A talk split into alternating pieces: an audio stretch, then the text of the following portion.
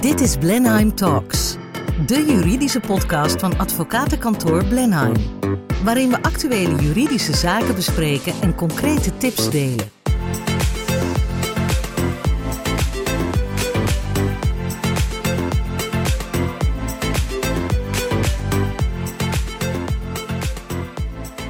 Beste luisteraar, mijn naam is Arjen Paardenkoper, partner ondernemingsrecht bij Blenheim Advocaten in Amsterdam. Ik ga u vandaag meenemen in het proces van de letter of intent, het begin van de verkoop van uw onderneming. Iedere ondernemer gaat het een keer in zijn leven meemaken dat er een potentiële koper op de deur klopt. En zoals bij Sinterklaas, daar wordt op de deur geklopt, hard geklopt, zacht geklopt, wordt er vaak hard geklopt en soms zacht geklopt. Maar in beide gevallen is het ego-strelend. Wij zien in de praktijk zien wij vaak dat ondernemers zo onder de indruk zijn van het feit dat hun levenswerk potentieel verkocht wordt en dat er een potentiële koper geïnteresseerd is in de aankoop van een bedrijf, dat ze al te snel overgaan tot het tekenen van een LOI, een letter of intent. En schijn bedriegt, want een intentieovereenkomst is inderdaad de intentie om een bedrijf te kopen, CQ te verkopen. Maar naar Nederlands recht is een intentieovereenkomst veelal al het begin van een perfecte koopovereenkomst. En je moet dus goed uitkijken als ondernemer waar je aan begint. Hoe ziet zo'n verkoop van een bedrijf er nou uit? Er is een partij die is geïnteresseerd in de koop van je bedrijf. En vaak zie je dat er meerdere partijen geïnteresseerd zijn in de koop van je bedrijf. Van de ondernemerszijde, met name aan de verkoperskant, zie je vaak dat zo'n koper altijd te vroeg komt opdagen. Het bedrijf is er nooit klaar voor. Het vorig jaar had net beter gekund, dit jaar wordt beter. Maar uiteindelijk maakt het niet uit. Je moet verkopen op het moment dat het daar is. Een koper heb je niet 1, 2, 3 gevonden. Je doet er overigens verstandig aan als er iemand geïnteresseerd is in je bedrijf of meerdere partijen om daar een professional bij te halen en een verkoopproces goed te laten structureren. En waar nodig zelfs een mooie glossy, dat noemen wij dan informatiememorandum, op te laten stellen. En je bedrijf aan meerdere potentiële kopers aan te bieden. Dat werkt vaak prijsopdrijvend, waarbij ik me realiseer dat de hoogste prijs niet altijd het beste bod is. Vaak begint zo'n proces met een geheimhoudingsovereenkomst. Wij noemen dat in vakjargon een NDA, een Non-Disclosure Agreement. Nadat de geheimhoudingsovereenkomst getekend is, stuur je vaak aan de potentiële koper informatie over het bedrijf op. Wees een beetje zuinig met het verstrekken van informatie. Je moet ze ook teasen. Je moet zorgen dat ze geïnteresseerd raken. Maar vaak is een potentiële koper ook een concurrent. Dus ze moeten niet al te veel informatie krijgen. Want de geheimhoudersovereenkomst is leuk, maar in de praktijk is het vrij moeilijk af te dwingen. Want wie weet wat er over een jaar allemaal gezegd wordt en doorgegeven wordt. Daar kom je veelal niet achter. Als de koper, potentiële koper, de informatie heeft ontvangen, zie je vaak dat ze een bieding uitbrengen. Dat is meestal een niet bindende bieding. Ook wel populair gezegd een non-binding offer genoemd. Naar aanleiding van die bieding of meerdere biedingen maak je een keuze. En als die keuze gemaakt is, ga je over tot het tekenen van een letter of intent, de intentieovereenkomst. Die daarna, als het goed komt, gevolgd wordt door de definitieve koopovereenkomst.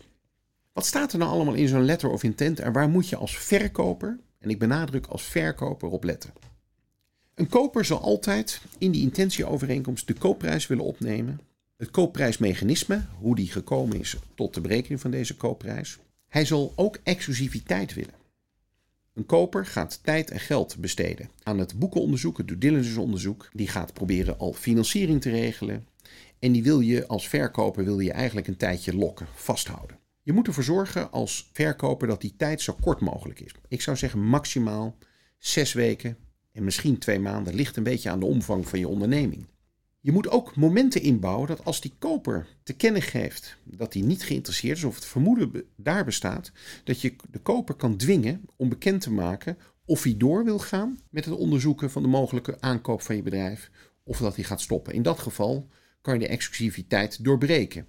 Veelal zul je namelijk zien dat als je bedrijf te koop staat, of, of te koop komt, of er is een partij die geïnteresseerd is in de aankoop van je bedrijf, er zich altijd een andere partij in het proces gaat melden. Op de een of andere manier straal je het uit of zinkt het rond.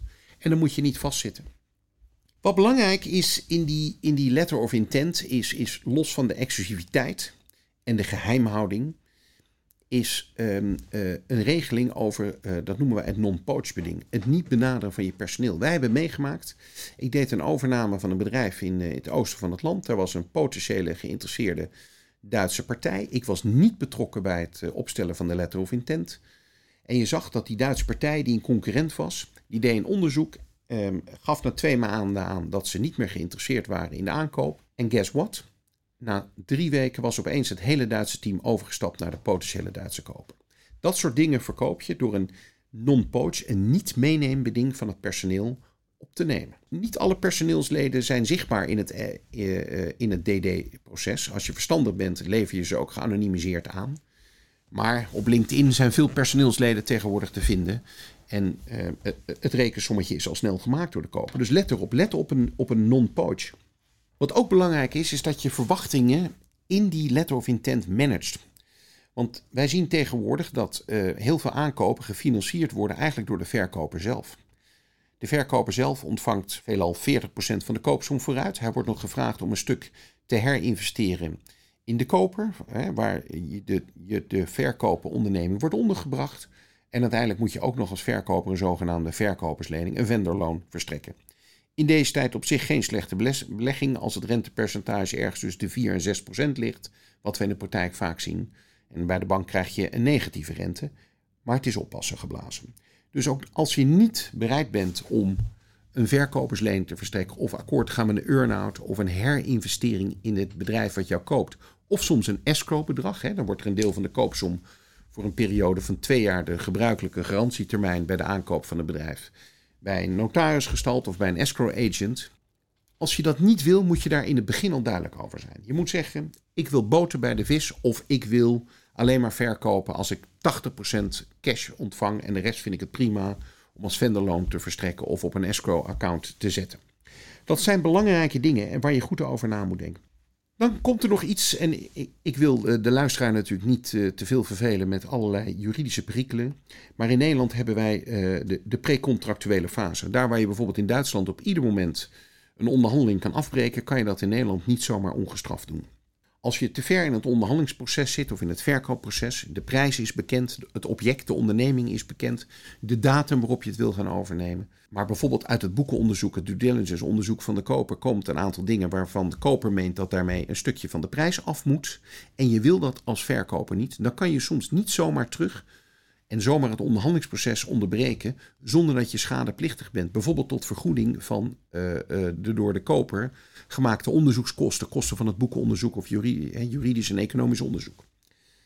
Dus wij adviseren de verkoper altijd om in de letter of intent op te nemen dat beide partijen op ieder moment van het proces de onderhandelingen kunnen afbreken zonder dat ze jegens elkaar schadeplichtig zijn. Let wel, de exclusiviteitsperiode kan hier roet in het eten gooien. Dus zorg dat je hem zo formuleert dat de exclusiviteit je niet verbiedt om in die exclusieve periode de onderhandelingen te staken. Bijvoorbeeld omdat de koper, al dan niet aan de hand van het boekenonderzoek, zaken vindt waarvan jij als verkoper denkt: ja, dat zal wel, maar ik ben helemaal niet bereid om er een korting voor te geven.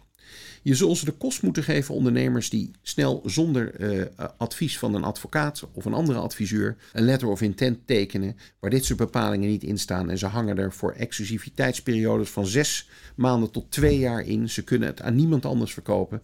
En als ze dreigen de onderhandelingen te staken, dan kunnen ze uh, in het uh, beste geval een, een schadeclaim tegemoet zien. In het ergste geval kunnen ze met een kort geding en een dwangsom gedwongen worden om alsnog door te onderhandelen op redelijke gronden en alsnog het bedrijf te verkopen aan een partij waar je misschien helemaal geen zin in hebt. En dat zijn zaken die ondernemers, uh, zo zien we in de praktijk, vaak vergeten. Ze tekenen blind een letter of intent. Denk ja, maar het is toch een intentieovereenkomst, een voornemen tot verkoop, toch niet de verkoop. Ik heb nog een tip. In dat proces, um, het ligt er een beetje aan wat voor soort uh, bedrijf je verkocht. Ik ben zelf betrokken geweest bij de verkoop van uh, de, de, de recensie- en restaurantwebsite Eens aan TripAdvisor. Nou, Eens had een heel toen nog geavanceerd uh, reserveringssysteem en een broncode. En de koper wilde die broncode graag onderzoeken. Die koper was ook een concurrent. Dus we hebben een gelaagd due diligence gedaan. Er waren meerdere kopers. Die hebben eerst een klein informatiepakket gekregen. Vervolgens is het informatiepakket wat in een digitale dataroom zat uitgebreid. En toen moest uiteindelijk de partij hun binding, hun bindende uh, bieding neerleggen. Met een beperkt aantal uh, opschortende voorwaarden. Dus voorwaarden waaronder de koop zou plaatsvinden. Dus er moest een goedkeuring zijn van de aandeelhouders, CQ-commissarissen. Het voorbehoud financieringen was al uit. Toen pas kregen ze bijna alle informatie te zien, maar de broncode, daarvan hebben wij bedongen dat die pas op het laatste moment, twee uur voor het tekenen van de leveringsakte door de notaris, onderzocht mocht worden door de koper, in dit geval TripAdvisor. Dus die kroonjuwelen hou je als ze concurrentiegevoelig zijn tot het laatste moment uh, onder de pet. En dat zijn zomaar wat tips waar je mee te maken krijgt uh, als ondernemer uh, die in de, in de belangstelling staat van kopers. Bij twijfel vanzelfsprekend Blenheim bellen. Mijn team en ik zelf staan altijd klaar.